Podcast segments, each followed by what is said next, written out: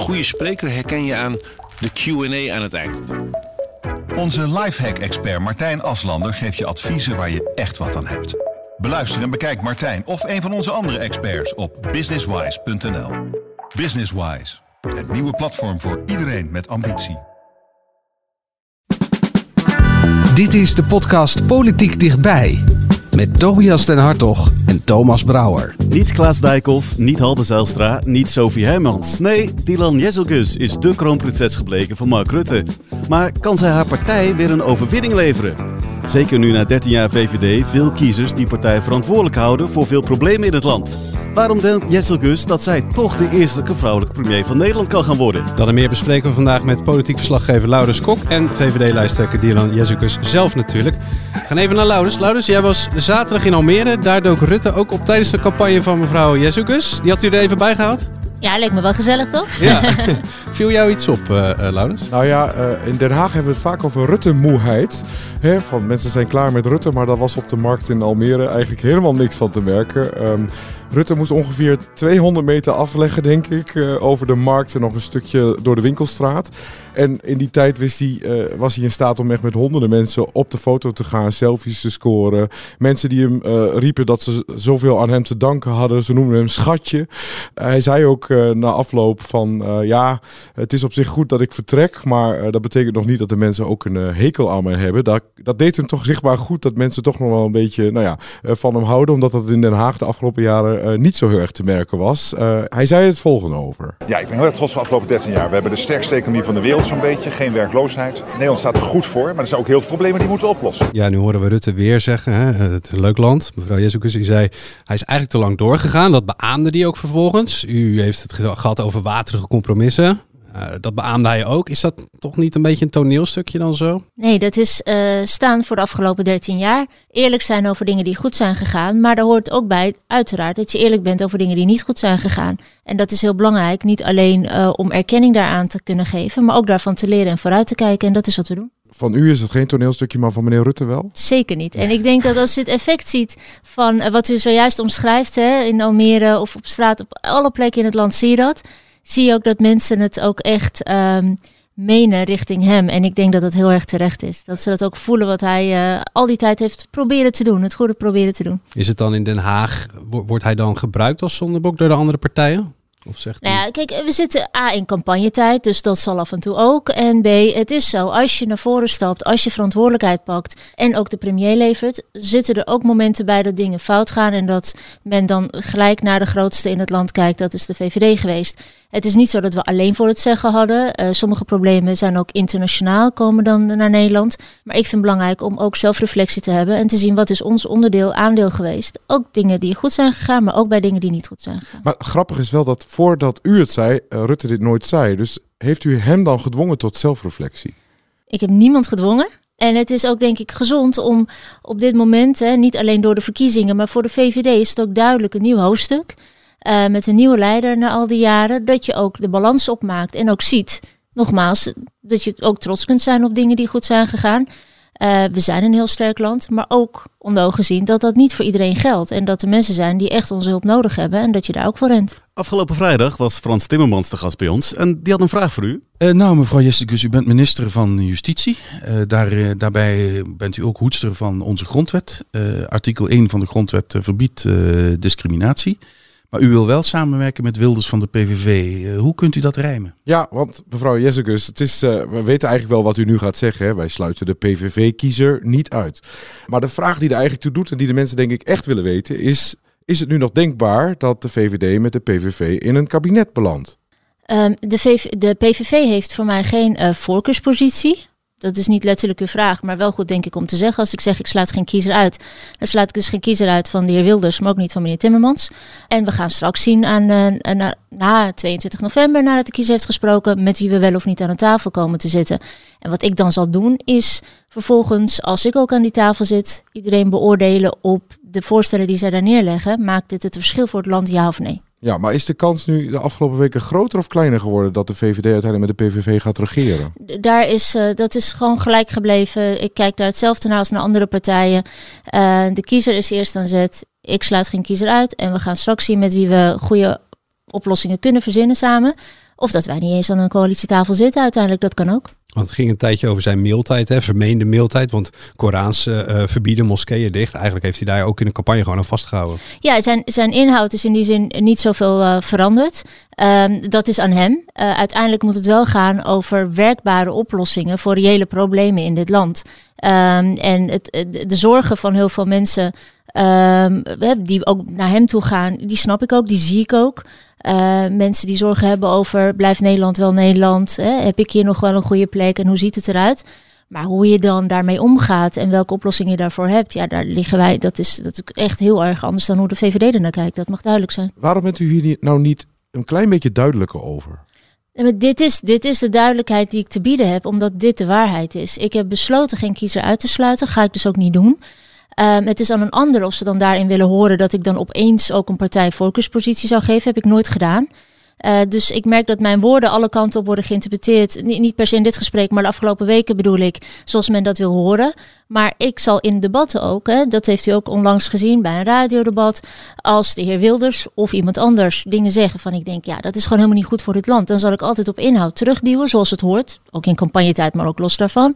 En daarna gaan we zien wat de kiezer heeft gezegd. En ook met wie we dan wel of niet tot een oplossing kunnen komen voor de problemen van het land. Ja, over die oplossingen gaan we het straks eh, uitgebreid nog hebben. Maar wat weten we eigenlijk van Dylan Jessicus zelf? Oh jee. Oh jee, ja. haar wieg stond in Ankara, maar haar hart ligt in Nederland. Daar laat Dylan Jesselkus geen misverstand over bestaan. Op haar zevende vluchtte ze samen met haar moeder en zusje op een bootje uit Turkije, opgejaagd door het militaire bewind. Ze voelt zich misschien het meest thuis in de Amsterdam Arena. Daar mag ze graag keihard, bloed, zweet en tranen mee zingen. Dit is ook de enige plek uh, waar ik mag zingen van mijn man. Ik zing nogal Frans. Haar politieke profiel is rechts, rechtser dan Rutte. Ook al kwam ze via de SP, GroenLinks en PvdA pas bij de VVD terecht. Waarom ik mij niet thuis voelde bij linkse partijen destijds, uh, had er vooral mee te maken dat ik door die partijen altijd in de hoek uh, werd gezet van nou, jij bent niet in Nederland geboren, dus je zal wel uh, ook wel een bepaalde achterstand hebben. En dat was totaal niet mijn context. Ik ben geen slachtoffer. Ze is het type what you see is what you get. Voor strenger straffen, een absolute vrijheid van meningsuiting en volledige autonomie. Ze reist zo nu en dan naar het zuiden van Amerika en daar kan je haar dan zomaar zien in jeans tussen de cowboyhoeden. Want ze gelooft weliswaar niet in reïncarnatie, maar ze heeft wel het gevoel dat ze eigenlijk uit de zuidelijke staat Georgia komt. Ze heeft geen kinderen, maar haar hondje Moos is een beetje haar kind. Moos. Ja, mooi. Hij gaat zelfs mee op campagne. Soms schiet ze uit de heup met een tweetje hier of een mening daar, maar Jessicles claimt dat het geen effectbejag is. Ze noemt het liever passie of betrokkenheid. Ik ga het gewoon doen zoals ik denk dat het goed is. Ze is trouwens wel een control freak. Beste voorbeeld, toen ze trouwde met René Zegerius, plande ze tijdens het huwelijk een plaspauze in. Stipt om 11 minuten over 2. Mevrouw Jessicus, u zou zomaar de eerste vrouwelijke uh, premier kunnen worden, maar u voert niet echt uh, campagne met de boodschap van kies mij als eerste vrouwelijke minister-president. Waarom is dat eigenlijk? Ik heb nooit in mijn leven die vrouwkaart gebruikt, mm -hmm. uh, bij niks. Dus dat, dat past ook niet om dat dan nu te doen. Ik heb helemaal aan het begin van de campagne tegen het campagneteam gezegd, uh, helemaal top hè, om alles in kaart te brengen en te analyseren. En er zit altijd heel veel data onder, er zit een wetenschap ja. onder. Maar we gaan niks doen wat niet bij mij past, want het moet authentiek zijn. En dit zou nooit bij mij gepast hebben om opeens die kaart te gebruiken. U ziet dat dan als een zwaktebod? Of hoe? Nee, ik vind het, het is voor mij oprecht niet relevant. Het is wel, als je kijkt naar in 2023, dat het uh, echt heel gek is dat we nog geen vrouwelijke leider van het land hebben gehad. Dus dat werd wel tijd. Dat ja. is gewoon heel gek. Maar om nou te zeggen, ik ben anders omdat ik vrouw ben dat slaat voor mij echt helemaal nergens op. Heb ik nooit uh, gedacht of gezegd. Dus dat zou dan echt puur uh, gaan over omdat ik dan denk de zetels mee te kunnen halen. En dat ga ik gewoon niet doen. Het moet wel authentiek zijn. Het moet waar zijn. Maar u denkt wel dat u historie kunt schrijven, toch? Dat zou, dat zou dan zeker kunnen. Ook bijvoorbeeld als minister. Hè. Ik ben de eerste minister zonder uh, juristenachtergrondopleiding. Uh, er zijn, er zijn, je bent al, zeker met mijn profiel. Komt vaak voor dat je ergens dan de eerste in bent of opvalt. Dat kan. Maar dat, dat schetst mij niet, zeg maar, als, je, als u mij dan volgens zou vragen, wat is dan bijvoorbeeld vrouwelijk leiderschap? Ja. Wat breng je dan anders? Daar heb ik geen antwoord op. Het kan best zijn dat uw en mijn leiderschap heel erg op elkaar lijkt en die van mij en van een dame hier in de studio heel anders is. Ik, ik hou niet van dat soort hokjes. Daar heb ik, no daar heb ik nooit uh, van gehouden. U gelooft niet in een soort voorbeeldfuncties voor eh, jonge meisjes die kijken naar het scherm en denken van nou, eh, dit kan ik ook bereiken. Weet u, dat is, vind ik oprecht heel gek om over mezelf te zeggen. Wat ik afgelopen jaren wel heb gemerkt, is eh, dat natuurlijk mensen wel anders naar je kijken. Dus ik krijg het wel heel vaak te horen van jonge meiden, ook van jonge jongens, maar jongeren die de politiek in willen. En dan meiden die er ook op een andere manier ook naar mij nog eens extra kijken, omdat ik ook een vrouw ben. Dus ik ben daar wel bewuster van geworden en ook bewuster van die rol. Uh, maar het is nog steeds ook wel gek om over jezelf uh, zo te kunnen praten. Van nou, dan ben ik een rolmodel. Dat, dat vind ik dan wel weer lastig. Maar ik ben wel bewuster ervan. We gaan even naar de actualiteit. Uitspraken van u op de radio lokten een ruzietje uit via X met Pieter Omzicht. Luister even mee. Op het moment dat je die middengroepen vergeet. Uh, mensen die, die, die, nu zeggen, ik zit ongelooflijk in de knel. Maar ik, heb, ik kan niet naar de toeslagen. Ik verdien te weinig om vervolgens bijvoorbeeld een hypotheek af te kunnen sluiten. Of op een andere manier. En nu moet ik nadenken over of ik überhaupt mijn kind op schoolreisje kan sturen. Of ik sta in de supermarkt en ik moet de spullen terugleggen omdat ik het niet meer kan betalen. Ja, als je die mensen vergeet, de motor van onze samenleving... die dit land ook draaiende houden, die zoveel participeren... dan maak je denk ik als politiek echt een grote fout. En uh, dat zullen wij als VVD niet toestaan. Ja, Pieter Omtzigt suggereerde vervolgens op X... dat deze problemen uh, de afgelopen 13 jaar onder de VVD zijn ontstaan. U reageerde daar dan weer op door te zeggen... dat hij eigenlijk naar het RTL-debat had moeten komen... en bekritiseerde hem dat hij zijn plannen niet heeft laten doorrekenen. Tegelijk had u zelf geen trek in een één-op-één debat met hem. Ik, ik heb dat, en dat laat ik nog steeds in het midden... ik heb gezegd als uh, Pieter Omtzigt... Um, met een soort uh, zeg maar plus-minnenlijstje komt van zijn eigen programma. Je hebt het over cijfertjes, hè? Wat kost ja, het? En... Ja, wat, wat, zijn nou de keuzes die je echt maakt? Ja. En ook de moeilijke keuzes. En waar leg je de rekening nou neer? Dat is niet op te maken aan de hand van zijn programma. Hij kiest ervoor om het niet door te laten rekenen. Dat snap ik ook. Uh, hij vindt wat van die modellen, ik ook trouwens. Maar had er ook weinig tijd voor. Maar ik heb gezegd, alles het gewoon een plus- en minnenlijstje. Kom dan met iets. Anders heb je een menukaart zonder prijzen. En weet niemand wat we uiteindelijk moeten gaan afrekenen. En bij wie de rekening terecht komt. En als dat er ligt, dan kunnen we nog eens kijken of, of het dan opportun is of niet. Maar nu weet ik ook niet, wat, wat is dan de inhoud van, van hem waar ik het dan met hem over moet hebben. Want ik heb alles op tafel gelegd. Het Ja. is doorgerekend door onafhankelijke rekenmeesters. Dus het is duidelijk waar wij voor staan. Dat zou ik ook wel, die transparantie en zorgvuldigheid van, uh, van de andere leiders ook verwachten. Tegelijkertijd gaat het natuurlijk ook wel soms over die 13 jaar Rutte. Die kunt u niet wegpoetsen. Hè. De VVD heeft heel lang uh, uh, regeringsverantwoordelijkheid genomen. Met een beetje goede wil kun je zeggen dat de VVD al sinds 1994 aan de macht is hè, in Nederland. Met een tussenpauze van Balkenende 4. Maar is dat dan ook niet zo dat, dat het ook terecht is om naar te, naar te kijken en met u van nu te mogen vragen van... Ja, waarom zou de VVD de problemen in het land kunnen oplossen als ze al zo lang aan, de, aan het stuur zitten? Kijk, dat is absoluut een verre vraag en daar heb ik dan ook mijn antwoord op. En het is ook straks aan de kiezer om te laten zien, vertrouwt de kiezer ook ons antwoord uh, ja of nee. Uh, het is ook wel gek, vind ik, om te doen alsof bijvoorbeeld in dit geval Pieter Omtzigt al die jaren er niet bij was. Die zit er volgens mij ongeveer 25 jaar nu in de politiek en was er al die tijd bij. Het is ook gek om de ene dag te zeggen een premier is eigenlijk geen relevante rol. Dus uh, als NSC zijnde, als Pieter Omtzigt zijnde, ga ik niet zeggen of ik een premierskandidaat überhaupt heb of wie dat is, want de premier is niet zo relevant. En een dag daarna te zeggen, alles wat fout gaat in het land komt door de premier van de VVD. Dus het waren elementen die ik moeilijk kon ruimen, waarvoor ik de dag ervoor graag met hem in debat was gegaan. Daar ging het letterlijk over. Nog veel belangrijker, er waren mensen in de studio die in de, studie, in de positie zaten, in de situatie zaten van middengroepen zijnde en niet hun rekeningen konden betalen. Dus we hebben het gesprek, we met hen aangegaan. Dus als je daar omheen dan dwarrelt, niet daar naartoe komt, zegt een premier stelt niks voor en daarna zegt, maar het is allemaal de schuld van de VVD-premier. Vond ik wonderlijk, dacht ik, nou, dan reageren we daar ook op. Nou, we komen zo nog even uh, nog terug op uh, NSC. Ja, maar nu eerst even dit, want een van de belangrijkste thema's deze verkiezingen is bestaanszekerheid. Dat woord, ik vind het allemaal prima. Maar als, je, als, het, als het uiteindelijk gaat om dat je wil dat hè, als je uh, werkt, dat je gewoon geld over moet kunnen houden. Dat je de maand door moet kunnen komen. Dat je niet bang bent, uh, wat gaat er gebeuren als ik opeens onverwachte uitgaven krijg. En, en ik zak door het ijs en ik kan niet meer rondkomen. Ja, dat, is, dat is behoorlijk klassiek VVD. Ja, in uw verkiezingsprogramma stond uh, letterlijk het citaat... wij hervormen de kinderopvangtoeslag naar bijna gratis kinderopvang voor werkenden. Maar bij de doorrekening van het CPB bleek dat u dat plan helemaal hebt losgelaten. Zit daar nou misleiding in naar de kiezer? Want je leest het een en dan lijkt het ander. We hebben hem niet losgelaten. We zeggen we doen het in 2030. En dat heeft te maken met wat we ook in deze periode zagen van het kabinet. Want we wilden het eigenlijk nu al hebben. Uh, dat dat uh, niet te doen is. Omdat die mensen er niet zijn die, we kun, die in de kinderopvang dan vervolgens moeten werken als die vraag zou groeien. En de doorrekening van CPB gaat tot 2028. Ja. Normaal heeft CPB ook wel wat meer tijd. Omdat dan ook meer tijd is tussen uh, de verkiezingen. Precies. En, de val dus dat kan ik hen niet kwalijk nemen. Maar zij hebben dus nu tot vier jaar kunnen doen.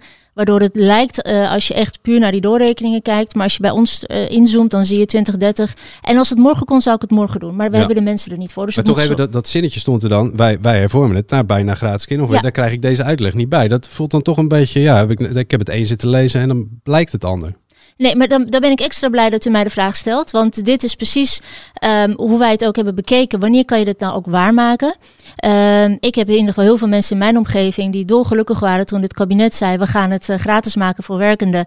En daarna achter moesten komen: nou, dat duurt nog even, want we hebben de mensen er niet voor. Dus wij hebben dit zo willen inrichten dat we het ook echt waar kunnen maken. Dat is het belangrijkste. Het verkiezingsprogramma van ons is, geloof ik, begin september ja. ingediend. En uh, dan komt nu de doorrekening, dus dan krijg je het concreter. Uh, maar dat is hoe dat werkt. Maar dit is altijd uh, ons idee geweest. En nogmaals, als het morgen had gekund, had ik het morgen gedaan. Want ik weet dat heel veel werkende ouders uh, echt ongelooflijk veel geld hier aan kwijt zijn. Maar er zijn natuurlijk partijen die het wel hebben opgeschreven, die het wel al sneller willen, die ook niet deze bezuiniging doorvoeren. En de VVD doet dat wel. Dus ja, in principe is dat dan, um, uh, u kunt dit wel zeggen, maar uh, kijk, andere partijen zeggen van het kan wel. Dus, dus ja, waar hebben we het dan over? Het is bij ons absoluut geen bezuiniging. Het is realisme. Dat als je het zegt, moet je het ook waar kunnen maken. Uh, en je kunt wel opschrijven, ik wil het volgend jaar hebben. Maar als je weet dat die mensen er niet zijn, dan kies je er dus als partij voor. om weer mensen te gaan teleurstellen die daarnaar uitkijken. Omdat ze denken, dit gaat mij heel veel schelen. Mm -hmm. Dus nogmaals, als wij het morgen hadden gekund, hadden we het gedaan. Het gaat niet, want we hebben daar echt tekorten. Ja, op de arbeidsmarkt, hè? Niet ik, moet, ik moet u toch even corrigeren. Dit gaat wel over een bezuiniging. Hè. Het kabinet heeft hier al geld voor uitgetrokken, staat al klaar. En uh, u zegt, uh, de VVD zegt eigenlijk in het, volgens de CPB-doorrekening, we keren het niet uit. En dat is toch een bezuiniging. Zo, zo zou ik het in ieder geval wel willen omschrijven. Ja, het kabinet, het huidige demissionair kabinet, heeft met de vier partijen moeten concluderen dat dat geld niet even kort door de bocht geformuleerd weggezet kon worden, omdat we die mensen niet hebben. Dus je kunt dat geld apart houden. Je kunt nog steeds beweren dat je het heel kort, uh, over volgend jaar of over twee jaar voor elkaar krijgt. 2028. Feit is dat dat heel lastig gaat worden. We hebben overal tekorten en ook in deze sector. Dus wij hebben gezegd, dan doe je het gedegen, zorgvuldig in 2030. We laten in ieder geval de ambitie niet los, de inzet niet los. En uh, als het eerder kan, dan, uh, en wij zitten in een coalitie, zullen we ook kijken of het eerder vormgegeven kan worden. Ik wil ook nog even met u naar het minimumloon. De VVD heeft opgeschreven, uh, wij willen het minimumloon verhogen met 5 Er zijn ook partijen die willen 20%. Hè, dat zijn vooral linkse partijen hebben dat uh, zichzelf voorgenomen. En opvallend vind ik dat de VVD daarbij voor kiest om de bijstandsuitkeringen helemaal niet mee te laten stijgen. Waarom is dat? De uitkeringen zijn de afgelopen jaren uh, al gestegen. En het is ontzettend belangrijk, en dat geldt ook voor de middengroepen, maar zeker ook voor, dit, voor, voor deze groep, ehm, dat je laat zien, dat je ook vooral laat voelen mensen in een, in een portemonnee dat werken loont. Ehm, en we hebben ook gezegd, we doen het gefaseerd. Uh, we doen het ook tegelijkertijd met de stijging van de, of met de daling moet ik zeggen, van de werkgeverslasten, zodat werkgevers het ook kunnen dragen. Uh, en dat is de keuze die we hebben gemaakt eerlijke verhaal is ook, je kunt niet alles tegelijk doen. Mm -hmm. Niet als je niet ondertussen tegelijkertijd dit land kapot wil belasten, waar anderen voor kiezen. Dat wil ik niet. Uh, dus het is zorgvuldig vormgegeven dat wij inderdaad in de komende jaren dat laten opgroeien naar 16,72 euro per uur. En tegelijkertijd ligt er ook er ligt een rapport van de commissie Sociaal Minimum. Die zeggen eigenlijk van mensen in Nederland hebben te weinig geld om van rond te kunnen komen. Zeker als ze in een uitkeringssituatie zitten. U zegt van werken moet lonen. Uh, mensen moeten dat ook voelen. Maar vindt u ook dat mensen die dan niet werken, dat ze ook moeten voelen dat ze Zeker ja, dat niet. ze dat niet krijgen. Nee, nee, nee. Dit kabinet heeft, uh, ik, ik denk, een van de grootste armoedepakketten uh, sinds lange tijd, misschien alle tijden, maar sinds lange tijd neergelegd. En terecht ook. En ook in ons programma ziet u ook aandacht uh, terugkomen bovenop het armoedepakket, ook voor mensen die in, onder de armoedegrens leven. Wat we tegelijkertijd ook doen, is zorgen dat die vaste lasten, waar uh, iedereen, die iedereen ook echt zwaar voelt, dat die ook minder hard stijgen. Zoals bijvoorbeeld de energiebelasting uh, omlaag doen, zoals de accijnsen omlaag doen. Dus uh, het is een verhaal van en, en, en. Maar als je ondertussen vergeet dat er ook groepen zijn, zoals bijvoorbeeld de middengroepen, die ongelooflijk in de knel zitten, die niet op de toeslagen terug kunnen vallen, die zien dat alles duurder wordt, maar zij niet meer geld overhouden, dus echt in de knel gaan komen, moet je daar ook aandacht voor hebben. En dat, zijn, dat is dan keuzes maken. Maar wat wij doen, is het armoedepakket niet aanraken, dat blijft overeind. En doen we zelfs nog wat bovenop. Maar ondertussen hebben we het ook over minimumloon en de middengroepen. En dat zijn de keuzes. Ja, dus hè, als de VVD het over bestaanszekerheid heeft, u heeft dat ook eerder gezegd, het gaat maar, ik vind werken er heel belangrijk, maar dat is dan de keuze die je maakt en de bestaanszekerheid van mensen die uh, bijvoorbeeld in een uitkeringssituatie zitten, die heeft nu minder prioriteit in ieder geval om die verder te verbeteren. Nou, daar is terecht heel veel aan gedaan. En daar blijven we ook op, op richten. Dus ook wij. We zeggen niet dan is dat af en klaar. Zeker niet. Wat je ook wil is natuurlijk dat mensen niet alleen eh, als ze onder de armoedegrens leven. De- dan nog steeds op een goede manier kunnen leven. Maar je wilt ook dat ze eruit kunnen. Dus het gaat dan ook over banen. Het gaat ook over eh, andere vormen van zekerheid. Dat je niet je kinderen in de armoede opgroeien en, hun kinderen en hun kinderen weer. En ondertussen, als je in die keuzes die je moet maken niet daarnaast ook oog hebt voor de middengroepen. Dan, dan maak je een hele grote fout. En hebben we over een paar jaar echt een groot probleem in dit land. En eh, dat zou ik eh, echt niet willen accepteren. Even iets heel anders. Waarom wil de VVD dat eh, kaartjes voor een popconcert of een theatervoorstelling duurder worden? Nou, we verhogen daar de BTW. ehm, en, en we zonderen overigens eh, media en sport uit. Maar inderdaad, voor cultuur verhogen we de BTW. Ajax wordt uitgezonderd. Ook andere clubs. Ja, oké, oké. Ehm, en, eh, en media, zoals kranten en dergelijke. Maar dat wordt uitgezonderd. Ehm, en we ho- verhogen de BTW daar. eh, en we brengen hem terug naar nul in het openbaar vervoer. Zodat eh, reizen met een treinkaartje of eh, met de tram of bus, dat dat goedkoper wordt. En ook daar is dan weer een, eh, een keuze in gemaakt. Het is omdat we liever hebben dat mensen eh, sneller in het openbaar vervoer kunnen stappen. Dat je hem daar iets omhoog doet. Maar wo- wordt cultuur dan iets voor de rijken? Ehm, nou nee, wat je, wat je ook doet is ondertussen en zorgen dat ehm, eh, belasting op inkomen omlaag gaat, zodat je meer overhoudt. Zorgen dat we aan die vaste lasten werken, zodat je daar minder geld aan uitgeeft. Dus ook dat er meer ruimte ontstaat voor mensen, ook voor de mooie en de leuke dingen, waar die mensen nu ook vaak al niet eens meer kunnen betalen. Eh, dus het, en het, de keuze is niet om dat dan daarmee een bepaald eh, tekort te dekken of iets, maar te zorgen dat dan OV goedkoper wordt en daar ook een grotere groep mensen mee bereiken. Ja, en dat mensen die naar de toppers willen dan meer gaan betalen, dat is dan maar zo. Nou ja, dat is dan de keuze die wij op dit moment maken. En dat laat ook zien waarom ik zo hamer op doorrekeningen bij andere partijen. Want je kunt dingen opschrijven, maar er zitten ook soms moeilijke keuzes. En leiderschap is ook die ook kunnen uitleggen en er ook voor staan. Want het is, eh, het is niet gratis. Ik bedoel, dat, dat weten we. Dus welke keuzes maak je dan? En dit is dan de balans die wij hebben gevonden. Ja, over keuzes gesproken. Ehm, de VVD eh, zet ook in op het verbeteren van eh, de woningmarkt. In ieder geval zorgen dat er meer huizen komen. Ehm, eh, alle partijen willen dat. Eh, kiezers vinden dat ook een heel belangrijk onderwerp.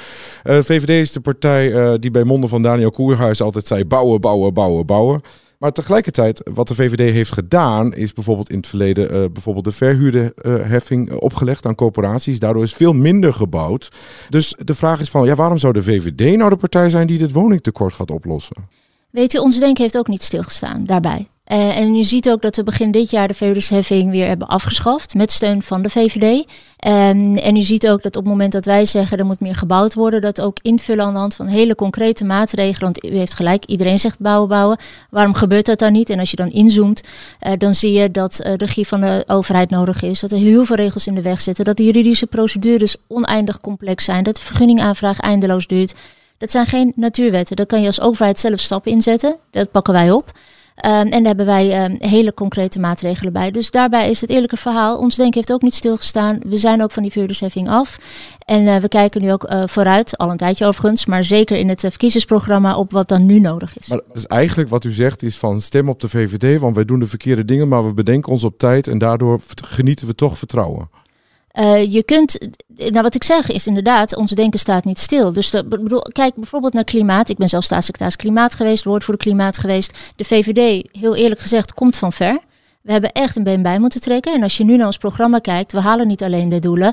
We zorgen ook voor dat het op een manier is dat elke Nederland het mee kan maken. Dat we als land onafhankelijk worden van regimes waar we niet afhankelijk van willen zijn. Dus um, je, je ontwikkelt ook, je ziet ook dingen. En ik vind onderdeel van leiderschap. Dat vind ik echt heel belangrijk. En dat geldt voor elke partij dat als er dingen zijn waarvan je merkt in de praktijk werken die niet zoals we hadden gehoopt, dat zijn ook wel de lessen denk ik van de afgelopen jaren, dan moet je ook in staat zijn om te zeggen dan is dit niet goed. Ik, ik vind het geen leiderschap als je zegt het hebben we gevonden, dus dat blijven we altijd vinden.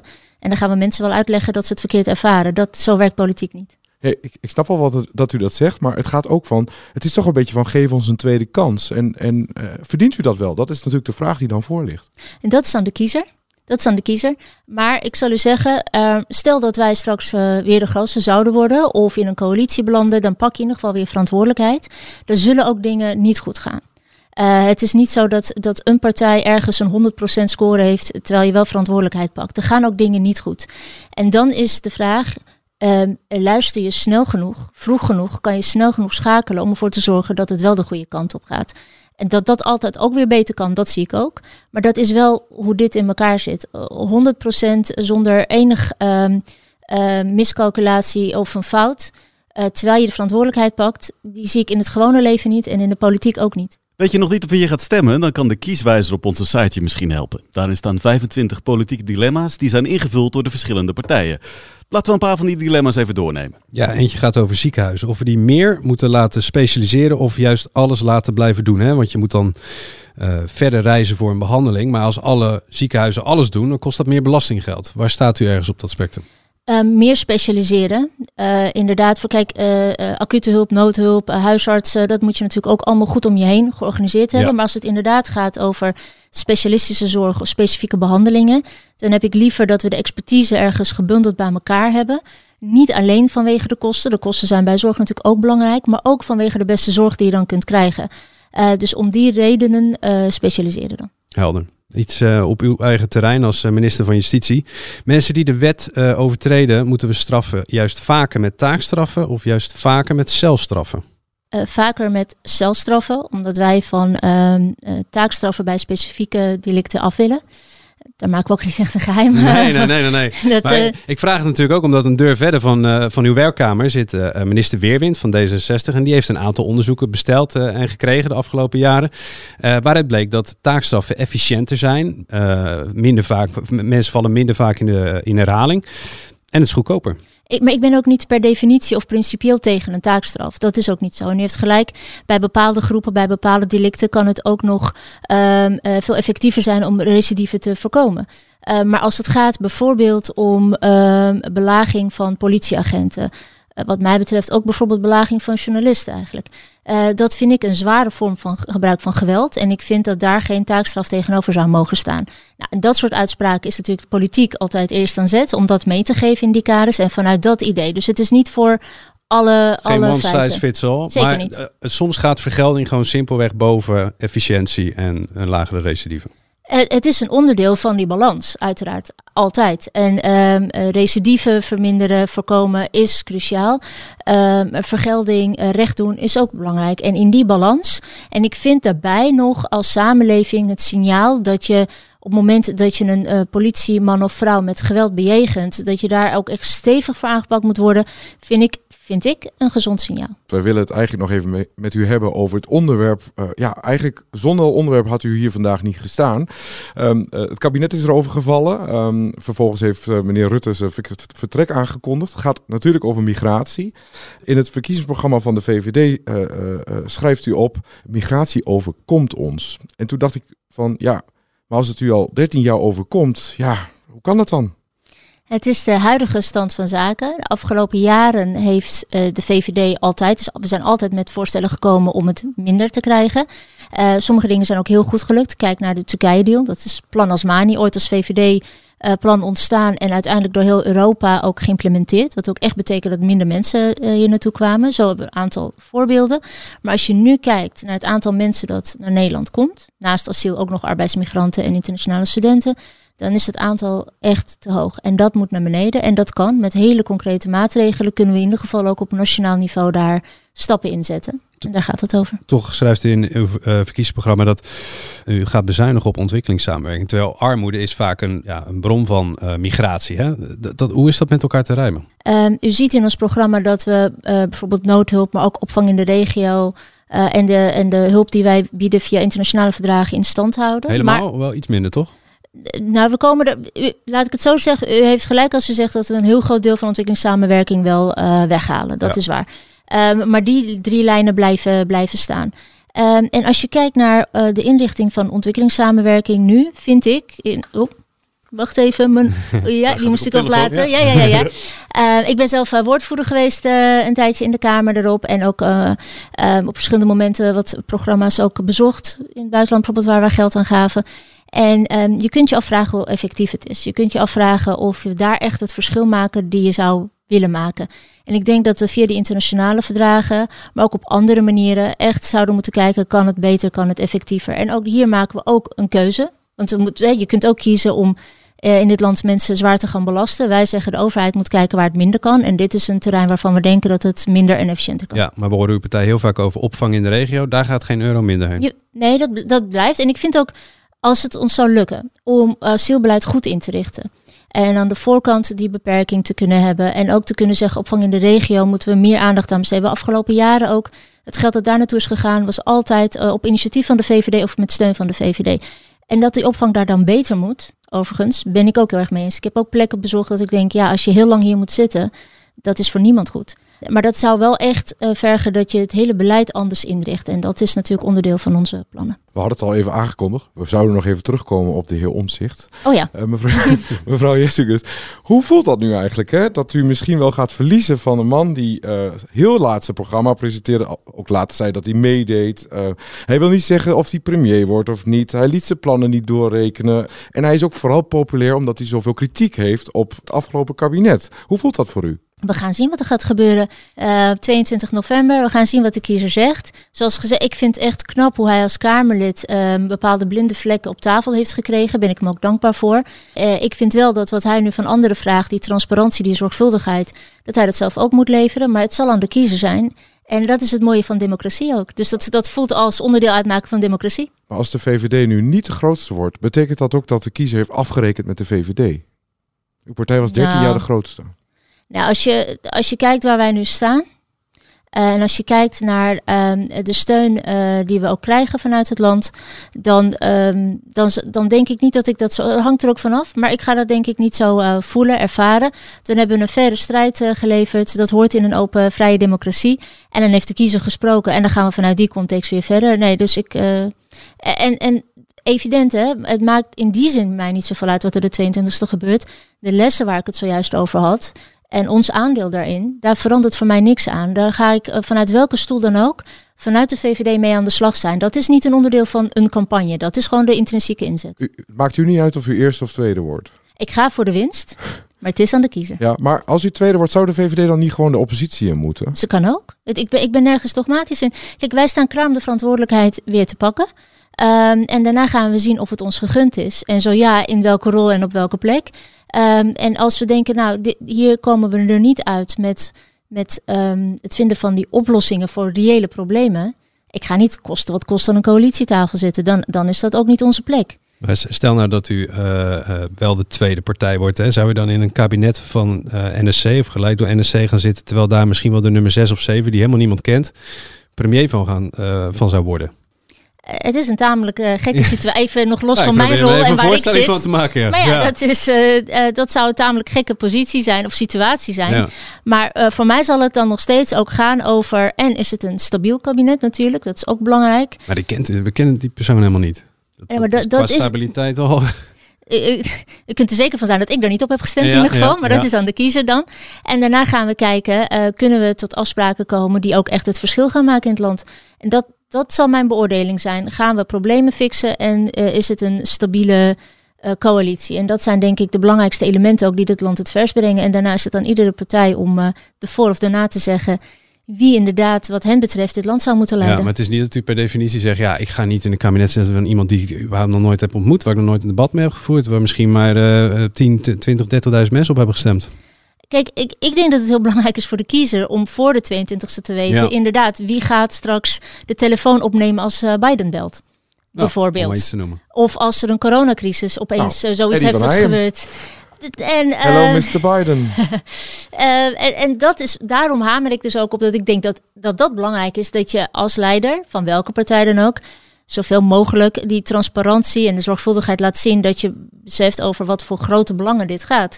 Maar daarna is het toch echt aan de kiezer en de partijen zelf om dat eh, te dragen. Ja, maar dat is eigenlijk de vraag die u heeft. Hè, van wie, door wie laat NSC eh, de telefoon van Biden opnemen? Het is de vraag die bij de kiezer speelt, eh, maar ook wat betekenen de plannen? Hoe reken je het door? Wat is het nou echt waard? Waar leg je de rekening neer? Eh, dit zijn- lijken mij niet dingen waar we dan de 23ste over verrast zouden moeten zijn. Maar nogmaals, dat is to de kiezer. Ja, de keuze die we op 22 november in het stemhokje maken, heeft niet alleen invloed op de korte termijn. In de rubriek De Jeugd heeft de toekomst stellen jongeren een vraag aan de lijsttrekker.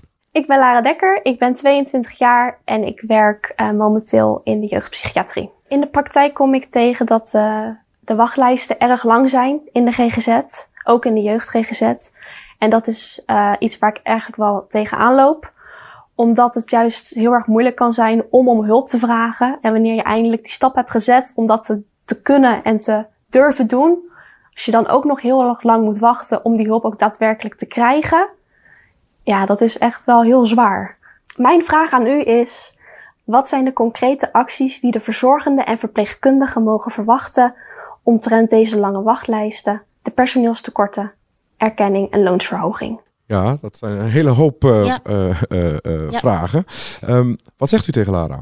Uh, dat ik sowieso dankbaar ben dat ze dat werk doet. Uh, en daarnaast, uh, want ze vraagt naar concrete stappen. Aan de ene kant, als het gaat over die wachtlijsten, worden die concrete stappen nu genomen vanuit het kabinet, vanuit mijn collega's, samen met de, de aanbieders van zorg, maar ook de gemeente. Daar wordt erg op geïnvesteerd om dat stelsel anders in te richten. Wat nu, even kort door de bocht gezegd, loont het eerder om de lichte vraagstukken op te pakken en de zwaarder te laten liggen vanwege de bekostiging. Dus daar wordt nu aan gewerkt.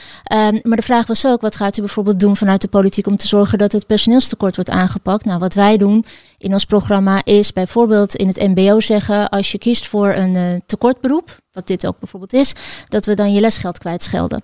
Uh, dat soort concrete stappen zetten wij om ook meer mensen dat uh, veld in te krijgen. Ook om ervoor te zorgen dat je, als je er bent, dat er ook echt zeggenschap is voor de zorggevers, dat de verpleegkundigen echt aan het woord kunnen komen. We hebben ook wettelijk stappen opgezet. Ehm, dus al die elementen zitten, daar, zitten daarin. Um, ik denk dat dit misschien wel de twee belangrijkste elementen zijn die ook hopelijk op relatief korte termijn dat verschil gaan maken. Ja, de campagne duurt nog een week. U gaat voor de winst, zei u al. Stel, u bent naar de 22e echt de grootste. Dan kan u het torentje opnieuw gaan inrichten. Welke foto of welke schilderij gaat u dan aan de muur hangen? Ik denk wel dat ik mijn Ajax-shirt uit een goed jaar nog meeneem. Uit een goed jaar? 2019 neem ik hem mee. Geen foto van Mark Rutte? Oh, die, die plaatsen we ook ergens. Ja, goed punt, goed punt. Net op tijd gelet, dankjewel. Naast de hond. Ja, ook ja. dat nog. Ja. ja. ja het, wordt, ik, het wordt druk aan de muur. Wij zijn aan het einde gekomen van deze aflevering. Uh, Dylan Jessicus, dank voor uw komst. Donderdag, dan zijn we er weer. Dan is Pieter Omzicht van NSC te gast. Als u hem nou een vraag zou kunnen stellen. Of welke meer dan één. Ja, welke vraag zou u hem nou willen stellen? Laat ik nou vragen dan um, wanneer er de, de, de prijzen achter zijn menukaart komen te staan. Die vraag uh, kunnen we op die gaan we hem donderdag stellen, zeker, zeker weten. Alle podcastafleveringen die zijn terug te vinden op ad.nl slash politiek dichtbij. Wil je nou geen aflevering missen? Abonneer je dan. Dat kan via Spotify of Apple Podcast. En wij zijn er dus donderdag weer. Tot dan!